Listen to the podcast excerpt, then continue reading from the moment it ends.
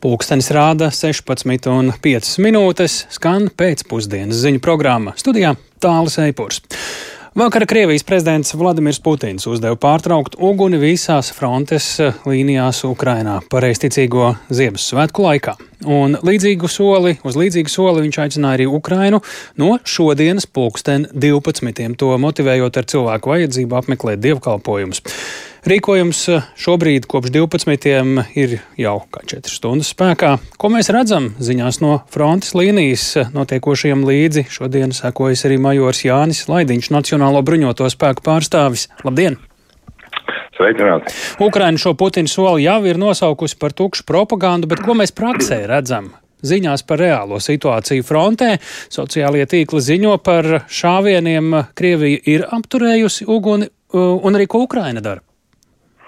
Nu, šobrīd izskatās, ka uh, kara darbība frontē nav apstājusies, uh, notiek sadursmes, pašlaik vēl nav informācija, uh, kas ļoti precīzi, kas varētu notikt, frontē, jā.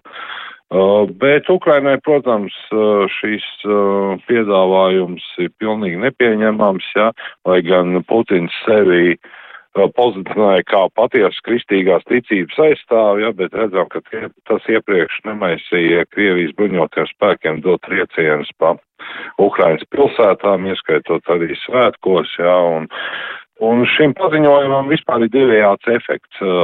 No vienas puses kā saka, Putins it kā piedāvā pamieru, jā, no otras puses Krievijas informatīvā telpa ir pilna ar saucamiem Krievu pasaules eh, piekritējiem, kur jau to uzskata par atklātu nodevību.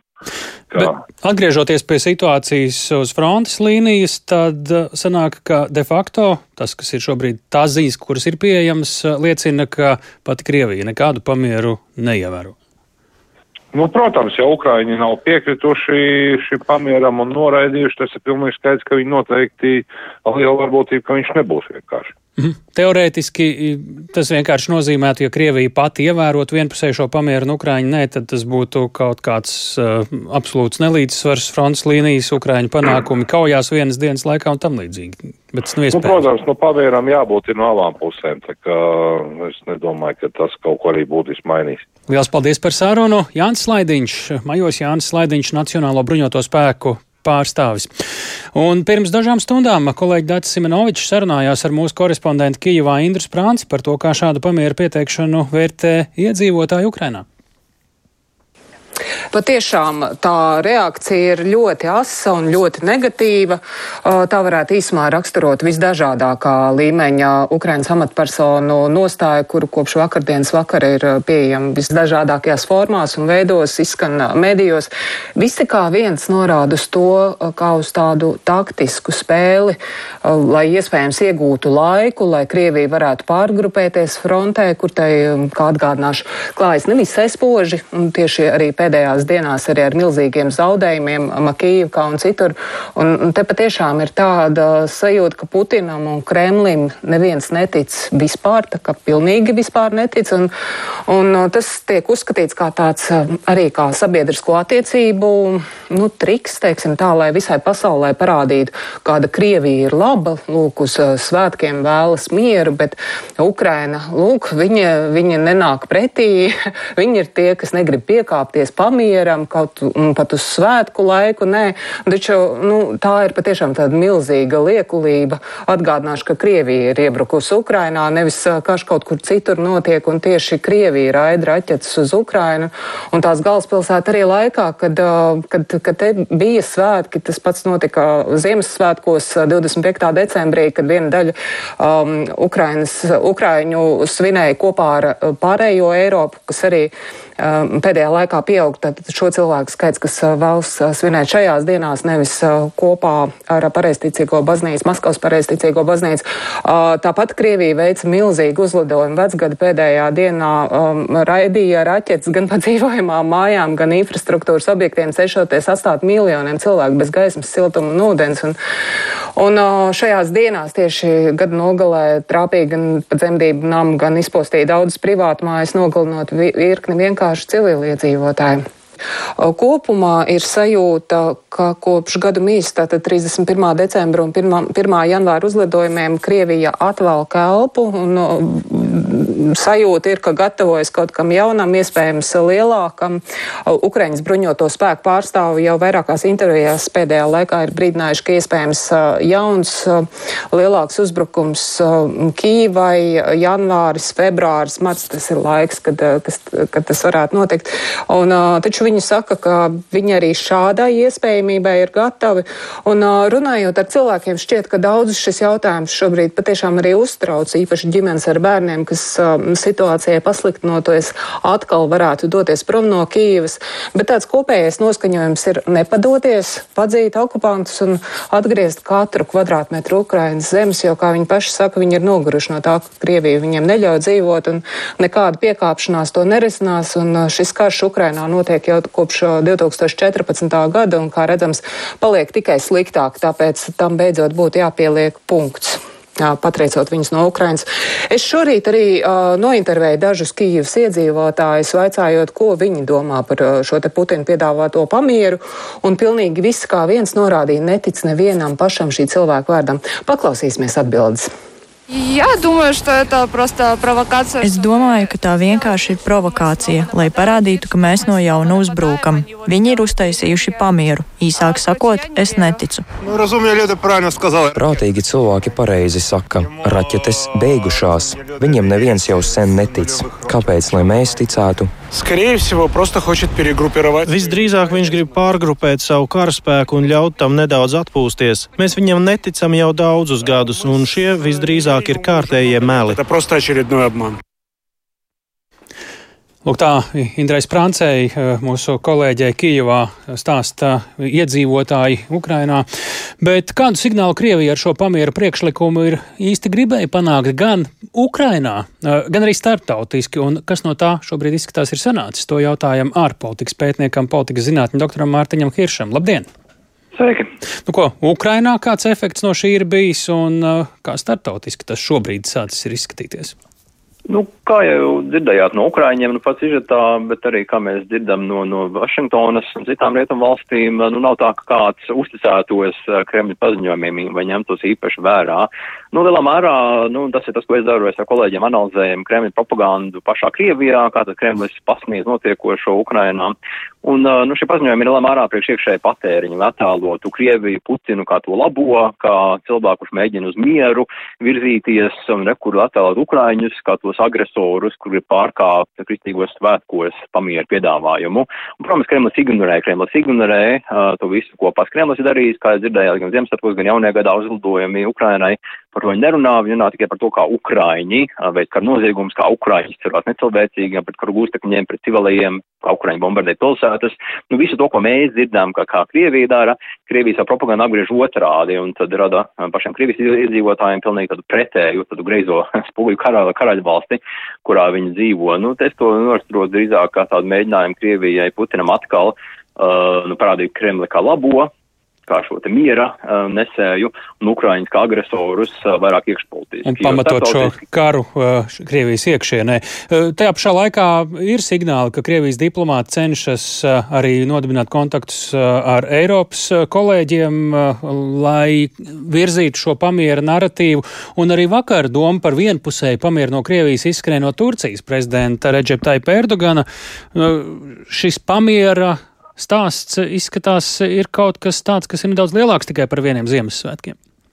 Ne, nu, noteikti atkal, atkal no dažiem Eiropas līderiem mēs esam dzirdējuši, ka vajadzētu kaut kādas sarunas virzīt, ar ASV Trumps laik, laikam saka, ka sarunas ir izcinājums, bet, kā jūs dzirdējāt, arī Ukraiņu atbildēs, nu, kopumā paši Ukraiņi pēc tā visu, ko Krievija darījusi Ukrainā, gan šie te gadījumi, kad masveida kapi ir atrasti, gan spīdzināšanas gadījumi, gan aptuveni miljonus Ukraiņu, kur izvest uz Krieviju ir, nu, tur ļoti grūti runāt, kad Ukrainai būtu kaut motivācija ēsties pie, pie sarunu galda ar Krieviju, tas viens un otrs ir vispār absolūti būtu tās uzticēšanās trūkums, ka Kremlis ievēros kādas vienošanās arī no pašas Ukrainas un rietumiem izskanēja 24. decembri uz jauno gadu aicinājumu uz pamieru, nu Kremlis to ignorēja. Tieši tāpat kā tagad Kremlis atlas Ukraiņas, ka Ukraiņi ignorē viņu piedāvājumu. Tā kā uzticēties Kremlim ir tā kā būvēt uz, uz, uz, uz, uz, uz smiltīm. Nav tāda pamata, lai Kremļa kaut kādiem pamierā vai miera sarunu risinājumiem mēs uzticētos. Ar 14. gadā bija tieši tas pats, tad gan Ukraiņi noticēja šādiem te Jā. pamiera gadījumiem, un tad Kremlis atbildēja ar triecieniem un uzbrukumiem. Jā, nu mēs varam atcerēties drošības koridoru no Mariupolas, tāpat arī mm. Krievijas Sīrijā ievērots, precīzāk neievērots pamierus. Paldies par sarunu. Šajā brīdī to mēs sakām. Mārtiņam Hiršam, ārpolitikas pētniekam, politikas zinātņu doktoram un atgriežamies tepat Rīgā, Rīgas ikdienā. Galvaspilsētā vairāku desmitu miljonu eiro vērtais sarkandaugos pārvads par dzelzceļa līniju Rīgas kulta ir pabeigts, bet satiksme par to joprojām nav atklāta. Pašvaldības dome ir atkal atlikusi kārtējo termiņu, kad mašīnas varētu sākt braukt, un kombinācijā ar topošo austrumu maģistrāli tā atslogot pilsētas centru no kravas mašīnām un tranzīta braucējiem, bet kad tad pārvads būs pieejams un kā gauso darbu vērtē autovadītāji, klausāmies Viktora Demīdova reportāžā.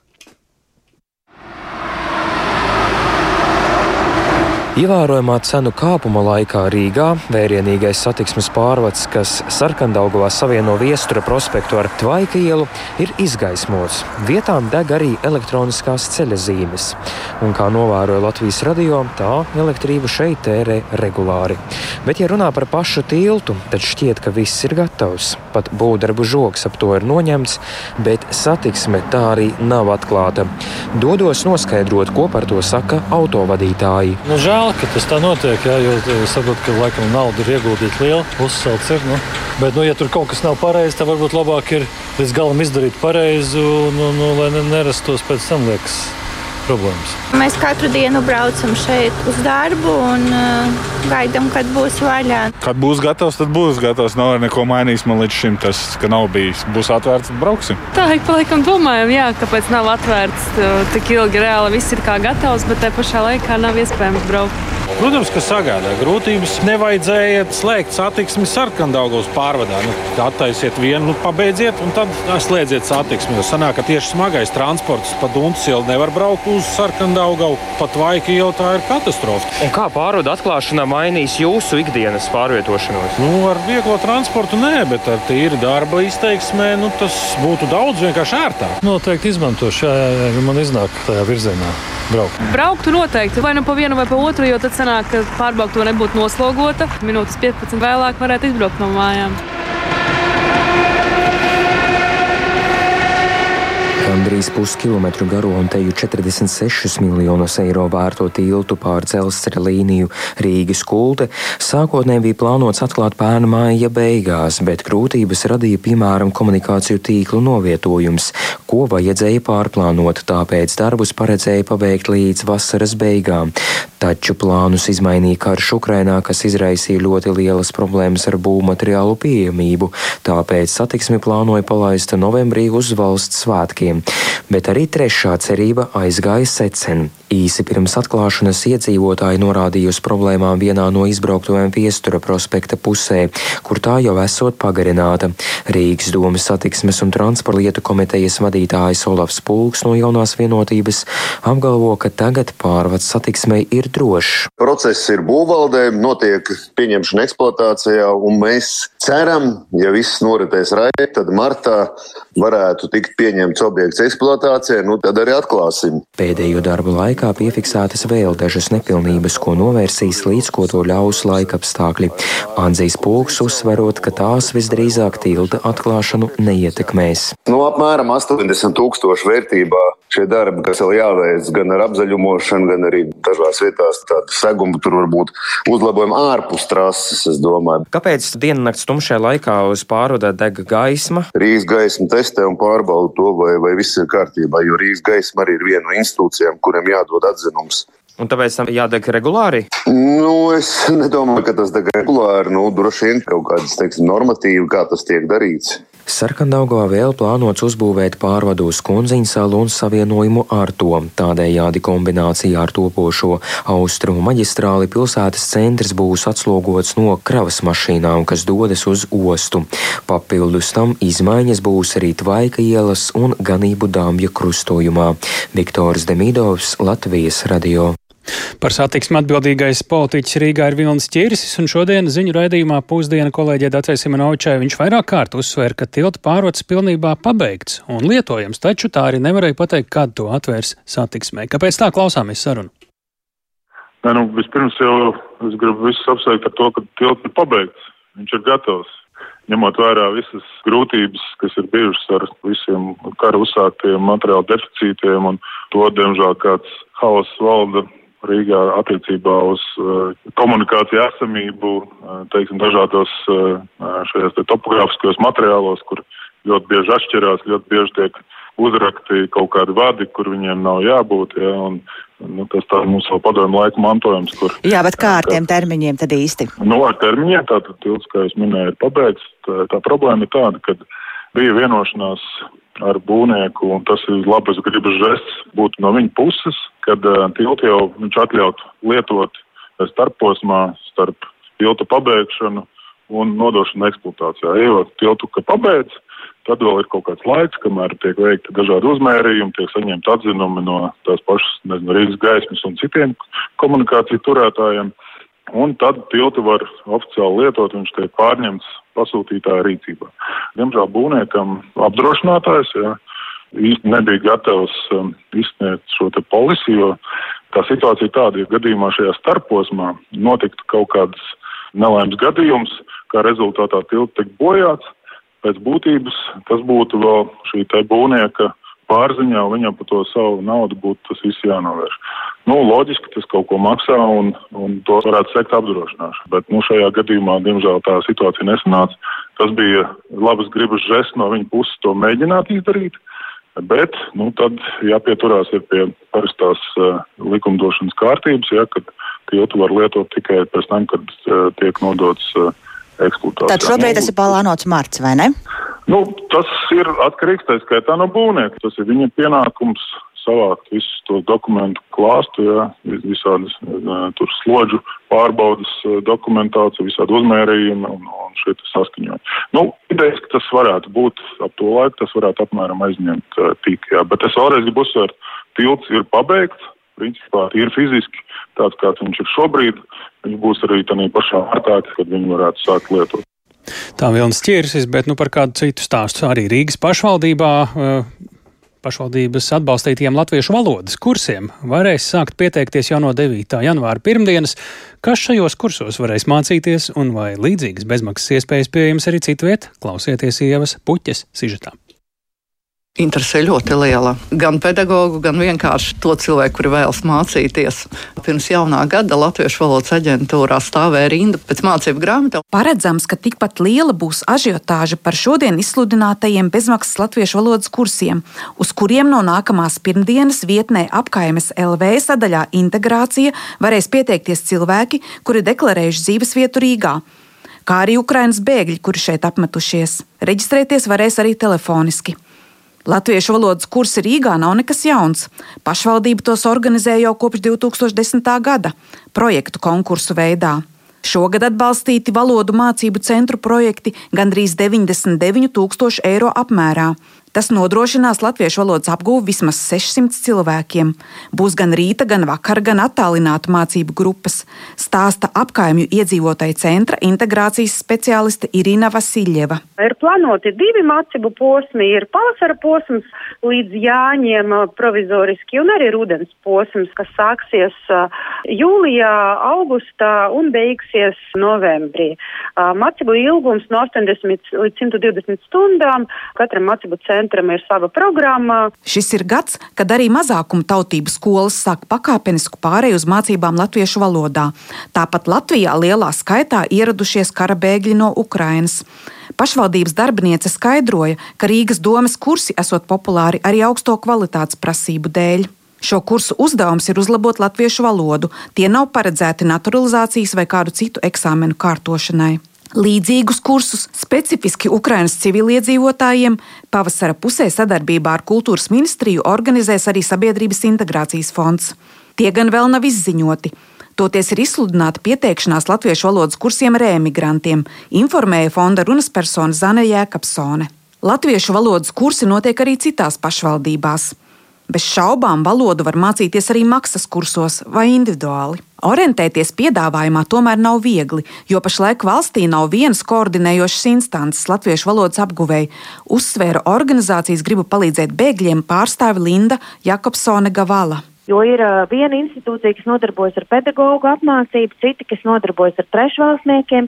Respektīvi, tur ir milzīgs skaits iesaistīto institūciju. Tur ir izglītības zinātnes ministrija, tur ir uh, kultūras ministrija, tur ir uh, sabiedrības integrācijas fonds. Nu, tur ir ļoti, ļoti plašs to iesaistīto loku. Vajadzība pēc valsts valodas politikas īstenošanas koordinācijas stiprināšanas pamatota arī jaunās valdības deklarācijas 54. punktā.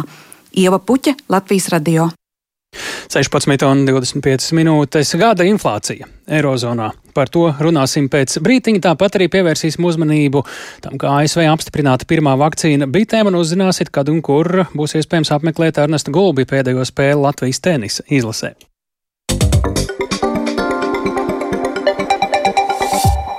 Eirozono gada inflācija decembrī samazinājusies līdz 9,2%, novembrī tā bija par aptuveni procentu lielākā, līdz ar to inflācijas kritums reģistrēts Eirozonā nu jau otro mēnesi pēc kārtas, tā liecina Eurostat dati. Lielākais kāpums gada laikā decembrī bijis enerģijas cenām 25,7%, novembrī tie vispār bija 35%, citās grupās cenu pieaugums ir bijis mazāks. Esam sazinājušies ar bankas citadēļ ekonomistu Mārtiņu Āboliņu. Labdien! Labdien! Kas ir galvenais dzinējs spēks šādam nelielam, bet tomēr inflācijas eh, samazinājumam Eirozonā gada laikā, kā varētu teikt? Nu, galvenais ir uh, enerģijas cenas. Uh, mēs redzam, ka pēc vasaras šiem pīķiem dabas gāzes un elektrības cenās, kas bija augustā, kad visi valsts mēģināja iegādāties gāzi ziemā, un ar to gāzes cenas, teiksim, ierastot 20 eiro vietā par melietu stundu un jau pat pārsniedz 300 eiro. Um, tad šobrīd tā situācija enerģētikā ir labāka, gāze ir pietiekami, uh, ziemas sākums arī salīdzinoši silts, līdz ar to gāzes cenas ir būtiski nokritušās, un līdz ar to tiem arī, kam šobrīd, teiksim, mainīgie tarifi arī izjūt biržas tarifu samazinājumu elektrībai, plus arī degvielas cenas ir nedaudz normalizējušās. Tāpēc nu, tā, tā, tās enerģijas cenas svārstības joprojām ir galvenais faktors, kas, kas inflāciju no ceļ vai, vai šajā gadījumā jau patīkamāk, bet samazina. Vai ar līdzīgu tendenci, vai cerams, varbūt vēl straujāk varam rēķināties turpmākajos mēnešos gan Eirozonā, gan arī Latvijā? Um, es domāju, ka jā, uh, nu, ir, ir lietas, ko mēs uzreiz izjūtam, tās, teiksim, degvielas cenas, kam ir mainīgie tarifi, elektrības cenas, protams, uh, teiksim, siltumenerģijas cenām, uh, gāzes cenu kritums, tur paies kāds laiciņš, kamēr parādīsies, ka tiek pārstīti tarifi, uh, tas ir droši vien drīzāk gada vidū, bet skaidrs, ka, nu, teiksim, arī ir tāds, bāzes efekts pagājušajā gadā cenas sāk kāpt, nu, šogad viņas noteikti tik strauji neaug, un ar to es domāju, ka jau gada pirmajā pusē, turbūt ap jāņem, mēs varētu arī Latvijā redzēt viens par inflāciju cerams. Tā, ka, domāju, tā dinamika visticamāk turpināsies, bet, nu, protams, atkarīgs, kā enerģijas cenas attīstās, vai tā kā nāk augstāks laiks, varbūt tur ir kādā kaut kāpumi, bet drīzāk šogad mēs noteikti sagaidām inflācijas tempu kritumu. Paldies! Sazinājāmies ar Mārtiņu Āboliņu bankas citadela ekonomistu. Šodien aprit divi gadi kopš agresīvi noskaņota ASV prezidenta Donalda Trumpa atbalstītāja iebruka ASV kongresa ēkā. Izmeklēšanas komiteja visu pagājušo gadu ir pētījusi un publicējusi informāciju par to, kurš vainojams nemieros, un tur dominē bijušā prezidenta Trumpa vārds. Šodien divus gadus pēc šiem 6. janvāra notikumiem ASV prezidents Džo Baidens pasniegs prezidenta medaļas kapitolai aizstāvjiem un lūdzām mūsu ārzemju ziņu kolēģim Uģim Lībietim atgādināt, kas tad notika pirms diviem gadiem, 6. janvārī, un kāpēc tas ir svarīgi un kā šos notikumus šodien piemin Vašingtonā pirms diviem gadiem notikušais iebrukums ASV kongresa ēkā faktiski tiek uzskatīts par um, vienu no savienoto valstu vēsturē, ja tā var teikt, nozīmīgākajiem uzbrukumiem demokrātijai kā tādai. Un No toreiz atcaucoties prezidenta Donalda Trumpa aicinājumiem, tūkstošiem viņa atbalstītāju no sākuma centās ielausties un vēlāk arī ielauzās kongresa ēkā. Tas galvenais mērķis bija protestēt pret viņu prāt netaisnīgajām prezidenta vēlēšanām, to rezultātiem un vienkārši arī centās panākt Joe Bidena neapstiprināšanu prezidenta amatā. Nu, kopš tā laika tad, uh, tiesību sargājošās iestādes par šo iebrukumu Kapitolijā ir arestējušas 950 uh, aizdomās turamos. Vēl 350 tiek meklēti, un federālais izmeklēšanas birojs joprojām cenšas arī noskaidrot, kurš tad ievietojas Spridzekļus partiju birojos pirms šī 2021. gada 6. janvāra. Un tagad, divus gadus vēlāk, šajā dienā Džo Baidens pirmo reizi savas prezidentūras laikā 12 cilvēkiem pasniegs prezidenta pilsoņu medaļas. Tas ir viens no augstākajiem ASV civilajiem apbalvojumiem. Un starp šiem cilvēkiem būs vairāki likumsargi, kuri pirms diviem gadiem guva ievainojumus aizsargājot Kapitolija ēku. Arī policists, kurš šajā iebrukumā gāja bojā, saņem šo balvu pēc nāves. Tur ir arī vairāk vēlēšanu darbinieki, kuri savulaik atteicās pieņemt Donalda Trumpa mēģinājumus apstrīdēt vēlēšanu rezultātus un pasludināt tos par nu, spēkā nēsošiem. Un arī sagaidāms, ka šodien uzrunājot šīs balvas saņēmējus, Baidens atgādinās arī par joprojām pastāvošiem draudiem demokrātijai, kurus ir atklājusi un par kuriem joprojām brīdina šī īpašā kongresa izmeklēšanas komiteja. Un, uh, kā norāda izdevums Politico, tad daudzi no 2020. gada vēlēšanu noliedzējiem vēl novembrī notikušajās vidustermiņa vēlēšanās uzvaras gan neizcīnīja un kongresā neiekļuva, taču nu, viņu balss joprojām nekur nav pazudušas, ir dzirdamas. Tostarp arī Donaldam Trumpam kārtīgi reiz vēloties atgriezties valsts prezidenta krēslā. Nu, ko, ja tieši šajās dienās, kad uh, tiek pieminēti šie tevis aprakstītie 6. janvāra notikumi pirms diviem gadiem, tagad kongresa pārstāvju palātā atkal ir jaunas, nu, tā teikt, nebūšanas, un uh, tur jau vairākas dienas uh, ar, nu, jāsaka tā, ne pat vairāk, bet daudzkārtīgiem mēģinājumiem ievēlēt kongresa spīkeru, kā neizdodas tikt līdz galam, tā neizdodas. Nu, ir tur kaut kas pavirzījies uz priekšu, ir arī var, vismaz kaut kādi risinājumi varianti. Nu jā, kongresa pārstāvju palātā notiekošo tiešām varētu pielīdzināt tādam kaislību pilnam seriālam, jo jau 11 balsojumos pārstāvju palātas republikāņu līderim Kevinam Makārtijam nav izdevies iegūt pietiekami daudz balsu, lai kļūtu par kongresa spīkeru. Tas faktiski nozīmē, ka republikāņi joprojām formāli nespēja apstiprināt savu uzvaru vidustermiņa vēlēšanās. Kongresa darbs faktiski ir paralizēts, jebkādus lēmumus pieņemt arī tas nevar. Un Makārtīs, kurš lai arī ir bijis aktīvs Donalda Trumpa atbalstītājs, arī tagad bauda eksprezidenta atbalstu. Starp citu, pirms diviem gadiem, toreiz tieši 6. janvārī pieprasīja Trumpam, lai viņš savus atbalstītājus no Kapitolija atsauc. Nu, tā vien liekas, ka aptuveni divi desmiti viskonservatīvāko republikāņu šos notikumus īsti nav aizmirsuši un Makartī atbalstīt atsakās. Un, nu, komentētāji norāda, ka Makartī ievēlēšana amatā būs ļoti nozīmīgs atbalsts Trumpam, kurš joprojām, starp citu, ir vienīgais republikāņu partijas pretendents, kurš jau ir izteicis gatavību cīnīties par ASV prezidenta krēslu 24. gadā. Bet nu, demokrāti no savas puses vismaz pagaidām uz šo stīvēšanos republikāņu rindā noskatās ar zināmu piesardzību. Nu, vienlaikus gan izskan prognozes, ka arī šie 6. janvāra notikumi turpmākajā priekšvēlēšana cīņā no dienas kārtības pilnīgi nekur nepazudīs. Un, ja mēs runājam par Kevinu Makartiju iespējām tikt ievēlētam, tad 1860. gadā bija vajadzīgas 44 balsošanas kārtas. Tā kā vēl ir kur tiekties. Oh, nu, Tas nozīmē, ka šeit bumba ir un paliks republikāņu pusē, jo viņiem ir vairākums, viņiem vienkārši pašiem ir jātiek skaidrībā, par ko viņi ir ar mieru balsot. Nu, vēl jau ir tāda iespēja, ka demokrāti visi balso par savu līderi, un vēl tiek runāts par to, ka demokrāti varētu mēģināt arī atrast kādus domu biedrus republikāņu rindās, taču pašlaik vairāk ir runa par iekšējo tirgošanos republikāņu rindā. Tā Uģis Lībijams par notiekošo Amerikā, bet Meksikā vakar aizturēts ieslodzījumā jau esošā narkotika karteļa vadoņa Hoakina El Chapo Guzmana dēls Ovidio Guzmans. Pēc viņa aizturēšanas valsts ziemeļrietumos esošajā Sinaloa štatā jau izcēlušies nemieri, narkotika kartelim cenšoties atriepties par aizturēšanu. Plašāk par notikumiem Meksikā Rihards Plūme. Ovidio Guzmans ar iesauku El Ratonija Pele ticis aizturēts ziemeļrietumos esošā Sinaloā štata Kulikanas pilsētā. Pēc tam viņš ar īpašu militāru lidmašīnu nogādāts galvaspilsētā Mehiko. Viņa izsakošanas un aizturēšanas operācija ilgusi pusgadu. To atbalstīja ASV amatpersonas. Domājams, ka 32 gadus vecais Ovidio Guzmans teju sešus gadus palīdzējis vadīt tēva izveidoto Sinaloā karteli. Meksikas drošības spēki Guzmanu pirmo reizi aizturēja jau 2019. gadā, taču toreiz viņu atbrīvoja, lai izvairītos no viņa atbalstītāju vardarbības draudiem. Šoreiz no tā nav izdevies izvairīties, jo pēc Guzmana aizturēšanas pilsētā izcēlās agresīvas sadursmes, kurās ir nogalināti vismaz trīs Nacionālās gvardes karavīri, bet vēl vismaz 28 cilvēki guvuši ievainojumus. Internetā izplatītajos video materiālos virs pilsētas redzami melnu dūmu mākoņi, kā arī sadedzinātas automašīnas un autobusi. Situāciju komentēja Meksikas aizsardzības ministrs Luis Crescencio Sandovals. Pēc tieša uzbrukuma atvairīšanas drošības spēki noziedzīgā grupējuma dalībnieku vidū identificēja Ovidio. Viņi tika arestēti un viņu rīcībā bija ieroči, ko izmanto vienīgi Meksikas armija un gaisa spēki.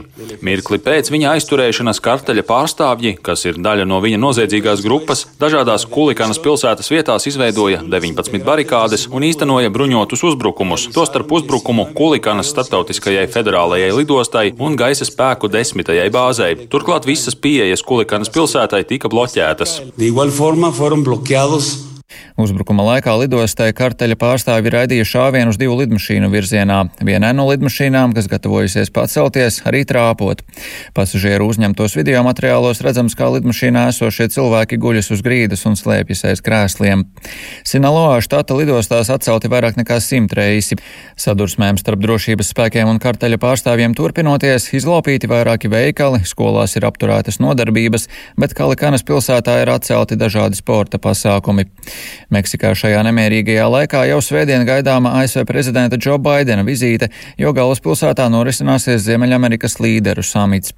Rihards Plūme, Latvijas radio. Ķīnas valdība aicinājusi valsts iedzīvotājs izvairīties no pulcēšanās un ceļojumiem, lai ierobežotu Covid-19 izplatību. Diemžēl jau pēc dažām nedēļām sāksies ķīniešu jaunā gada brīvdienas, tāpēc bāžas par jaunu Covid uzliesmojumu Ķīnā tikai pieaug. Tikmēr arvien vairāk pasaules valstu nosaka ierobežojumus. Ieceļotājiem no Ķīnas turpina Uldis Čēzberis. Ķīnas transporta ministrija aicinājusi valsts iedzīvotājus bez vajadzības neceļot un izvairīties no vietām, kur apgrozās daudz cilvēku, taču varas iestādes nemudina cilvēkus palikt mājās, kā tas bijis gandrīz visu Covid-19 pandēmijas laiku. 23. janvārī sāksies ķīniešu jaunais gads, kad desmitiem miljoniem Ķīnas iedzīvotāju dosies pie savām ģimenēm un draugiem, bet tas var novest pie jauna Covid-19 izplatības viļņa. Ķīnas valdība decembrī negaidīti mīkstināja lielāko daļu no stingrajiem ierobežojumiem gadījumiem, un no svētdienas atcels arī obligāto karantīnu visiem, kuri ieceļo valstī. Lielāka pārvietošanās un pulcēšanās brīvība ir novedusi pie tā, ka Ķīnā ir strauji pieaugusi inficēšanās ar bīstamo koronavīrusu. Visā valstī slimnīcas ir pārpildītas ar covid-19 pacientiem, pārslogojot veselības aprūpes sistēmu. Lai gan oficiāli Ķīna joprojām ziņo par dažiem ar covid-19 saistītiem nāvis gadījumiem diennaktī, patiesā aina varētu būt daudz drūmāka. Par to liecina pārpildītie morgi un garās rindas krematorijās. Ķīna ir saņēmusi pārmetumus par informācijas nesniegšanu sniegšanu saistībā ar Covid situāciju valstī. Pekinu uz lielāku atklātību mudināja arī Pasaules veselības organizācijas ģenerāldirektors Tedros Adhanoms Gebrejesus. Mēs turpinām pieprasīt Ķīnai sniegt daudz ātrāk un regulārāk uzticamus datus par hospitalizāciju un nāvis gadījumiem, kas ir saistīti ar Covid. Ņemot vērā vīrusa plašo izplatību un to, ka netiek sniegti visaptvaroši dati, ir saprotams, ka dažas valstis veids pasākumus, lai aizsargātu savus pilsoņus. Virkne Eiropas un Āzijas valstu, kā arī ASV un Kanāda, pieprasījušas ieceļotājiem no Ķīnas uzrādīt negatīvus covid-19 testus. Toronto Pīrsona starptautiskajā lidostā uzrunātais pasažieris no Ķīnas pauda sapratni par šādu prasību. Mums tas vienkārši ir jādara. Tādi ir noteikumi. Pirms reģistrēšanās lidojumam ir jāsaņem negatīvs covid tests. Pēc tam var reģistrēties un viss ir kārtībā. Pekina ir kritizējusi citu valstu prasību pasažieriem no Ķīnas uzrādīt negatīvu covid-19 testu un brīdinājusi par atbildes pasākumiem. Uldis Česberis, Latvijas radio. Tikmēr ASV apstiprināta pirmā vakcīna bitēm. Ko tas nozīmē pasaules ekosistēmām un arī Latvijas biškopiem? Mēs esam sazinājušies ar Latvijas biškopības biedrības pētnieci Inu Teglītu vairāk tieši par pašu tā saucamo vakcīnu, zinot, ka medus bišu saimju skaits pasaulē samazinās, tā skaitā ASV, Eiropā, pret ko īsti ir vakcīna, kā tā darbojas un ko tas varētu mainīt. Labdien, lūdzu! Jā, labdien! labdien.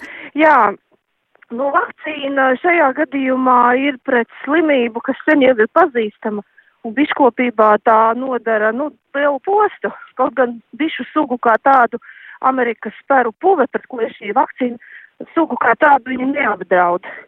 Nu, un par vakcīnu viņu varbūt var saukt tā nosacīti, jo E, bitēm ir mazliet citi mehānismi, kā viņas veido imunitāti. Bet, nu, ziņa, ziņa šodien ir izskanējusi, visi interesējas par to.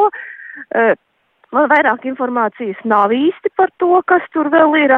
It kā viņa ir apstiprināta, kaut kāds tas e, priekš, priekš apstiprinājums ir. Viņi sola, ka viņi tur būs piedāvāta komerciāliem biškopiem. Nu, ja tas tā viss ir, tad nu, tas, ir, tas ir tāds uh, labs solis. Uz kuru pusi? Biškopības, Ko tas dotu? Biško, biškopības attīstībā tas ir labs, ka tas ļauj ietaupīt inventāru, kurš slimos, slimošanas gadījumā ir jāiznīcina. Arī bišu sainas nāks iznīcināt, vai viņas aiziet bojā. Tas biškopībā ir nu, laba, mm -hmm. laba lieta ja Li tas tā viss ir tiešām. Liels paldies! Sekosim līdzi jau precīzākai informācijai. Sakām paldies Inetei Eglītei, bet izcilais latviešu tenisists Cernas Gulbis atvadīsies no Latvijas izlases, un tas notiks Deivis Kausa izcīņas duelī pret Izraelu. Tā liecina ieraksts Latvijas tenisa savienības Instagram kontā. Sazinājāmies ar Ernestu Gulbi, lai jautātu, kāpēc šāds lēmums un kāpēc tieši šobrīd. Jā, labdien, paldies, ka uzaicinājāt. Nu, jūs zināt, šis lēmums ir saistīts ar to, ka es jaunāks vairs nepalieku un skaidrs, ka kaut kādā brīdī es arī droši vien, ka tuvākajā gadā vai divos likšu punktu kopumā savai profesionālajai karjerai. Un, tā mums ir iekritis tagad, ka mums ir jāspēlē pret Izraelu Deiviskausa maču 4. un 5. februārī. Un, uh, mums gribējās uh, uztaisīt tādus lielākus tenisa un sporta svētkus uh, galvaspilsētā. Un, uh, tāpēc arī šis lēmums ir tāds, ka šis būs mans pēdējais izlases mačs. Es būtu ļoti priecīgs, ja cilvēki ierastos atbalstīt. Tas ir arī kaut kādā ziņā tā kā tāda zināmā pateicība Latvijas līdzjūtējiem par to, ka tomēr liela daļa ir sekojusi manām tenisa gaitām pēdējos 15 gadus. Cerams, ka cilvēki ieradīsies un būs ļoti labs un patīkams pasākums. Kurš uh, ir tas brīdis vai kritērijs? Protams, ka mēs sekojot līdzi sportam ļoti labi zinām, ka visticamāk tas ir uh, gan uh, gadu skaits, gan veselība, bet acīm redzot šobrīd vēl tā spēlēšana ir iespējama, ja reiz tiek plānota gan izlases spēle, gan arī turpmākā profesionālā karjera. Ko mēs varam sagaidīt? Cik ilgu vēl arī to profesionālās karjeras laiku? Man grūti ir teikt, jo nu, es tevi uzturu formā, bet uh, tagad ir sanācis tā, ka man ir jauni pienākumi sakarā ar Latvijas Tenisa Savienību. Un, uh, tagad pirmajā brīdī to vēl ir iespējams apvienot, tāpēc ka mēs tagad šajos jaunajos procesos ar jauno komandu un valdi tikai ieejam tādā darba ritmā. Pirmajos mēnešos nu, ir, ir to iespējams apvienot. Kā tas būs tālāk, es nezinu. Skaidrs, ka, būdams atbildīgs eh, cilvēks, šo jaunu amatu uztver diezgan nopietni. Es eh, negribētu, eh, lai tas aiziet kaut kādā pašplūsmā, un es vienkārši skatīšos pēc sajūtām, gan arī nu, skaidrs, ka pēc veselības un pēc fiziskās formas, bet uh, arī tīri attiecībā pret LTS uh, prezidenta pienākumiem, vienkārši lai tas kaut kādā veidā nepārklājās. Man šobrīd ir prioritāte šie LTS uh, pienākumi. Tā Ernests Gulbis par savu pēdējo uh, turnīru Latvijas izlasē 4. un 5. februārī arī Rīga, bet šovakar uh, Latvijas komēdijas balvas grābeklis pasniegšanas ceremonijā pirmo reizi tāda. Uh, nu, tiks noskaidrots gada joks, gada komiķis, gada notikums Latvijas komēdijā un gada nejoks, kā arī tiks pasniegta balva par mūža ieguldījumu Latvijas komēdijā humoru vecmeistariem Jānim Jarānam un Dainim Porgantam pie mūsu klausulas Latvijas komēdijas balvas grābeklis vadītājs Edgars Žukovskis. Labdien! Jā, sveicināti. Kas ir tas svarīgākais, kas klausītājiem būtu jāzina par šādu pirmreizēju notikumu? Nu, tas svarīgākais laikam būtu tāds, ka uh, saprast un apzināties, ka Latvijā uh, ir vēl daudz dažādi formāti, kā pasniegt komēdiju skatuves. Uh, ne, tikai, ne tikai mūzikā, ne tikai teātrī, bet arī stand-up komēdijā, jeb šajā saucamajā stāvizrādēs vai improvizācijas teātrī. Uh, kas ir tie formāti, kur, par kuriem bieži vien jāizdomājās dažādās citās balvās un to pasniegšanas ceremonijā. Kas sagaida īsumā šajā ceremonijā? Nu, šajā ceremonijā pirmo reizi uz, uz vienas skatuves būs tik liels komiķu skaits. Kopskaitā tie būs 14 stand-up komiķi, kuri katrs stāstīs savu labāko materiālu, labākos 2022. gada jokus. Tāpat tās būs arī improvizācijas teātris ar Valdes Silu un Zinkaru Roškalnu piedalīšanos. Divi izcili improvizatori būs arī iestudētā komēdija ar Alfa Elandu un Kasparu Breidaku. Nu, un, protams, pati, pati balvu pasniegšana, tas jau kā nekā Nu pats zīmīgākais un svarīgākais. Paldies! Nu tad, lai atnācēji gatavojas vēdera muskuļu sāpēm nākamajā rītā. Pas- Paldies, Noteikti. sakām Edgaram Žukovskim, Latvijas komēdijas balvas grābeklis vadītājam. Šis bija ziņu raidījums pēcpusdienā. To eh, veidojām mēs, eh, Kārlis Dāngils, Rīta Kārnača, Tāls Eipurs, atgādinām, ka, ja vēlties šo pārraidi noklausīties vēlreiz vai ieteikt draugiem, veriet vaļā Latvijas Radio 1 mobilo lietotni. Tur tas viss jau pavisam drīz arī būs iespējams.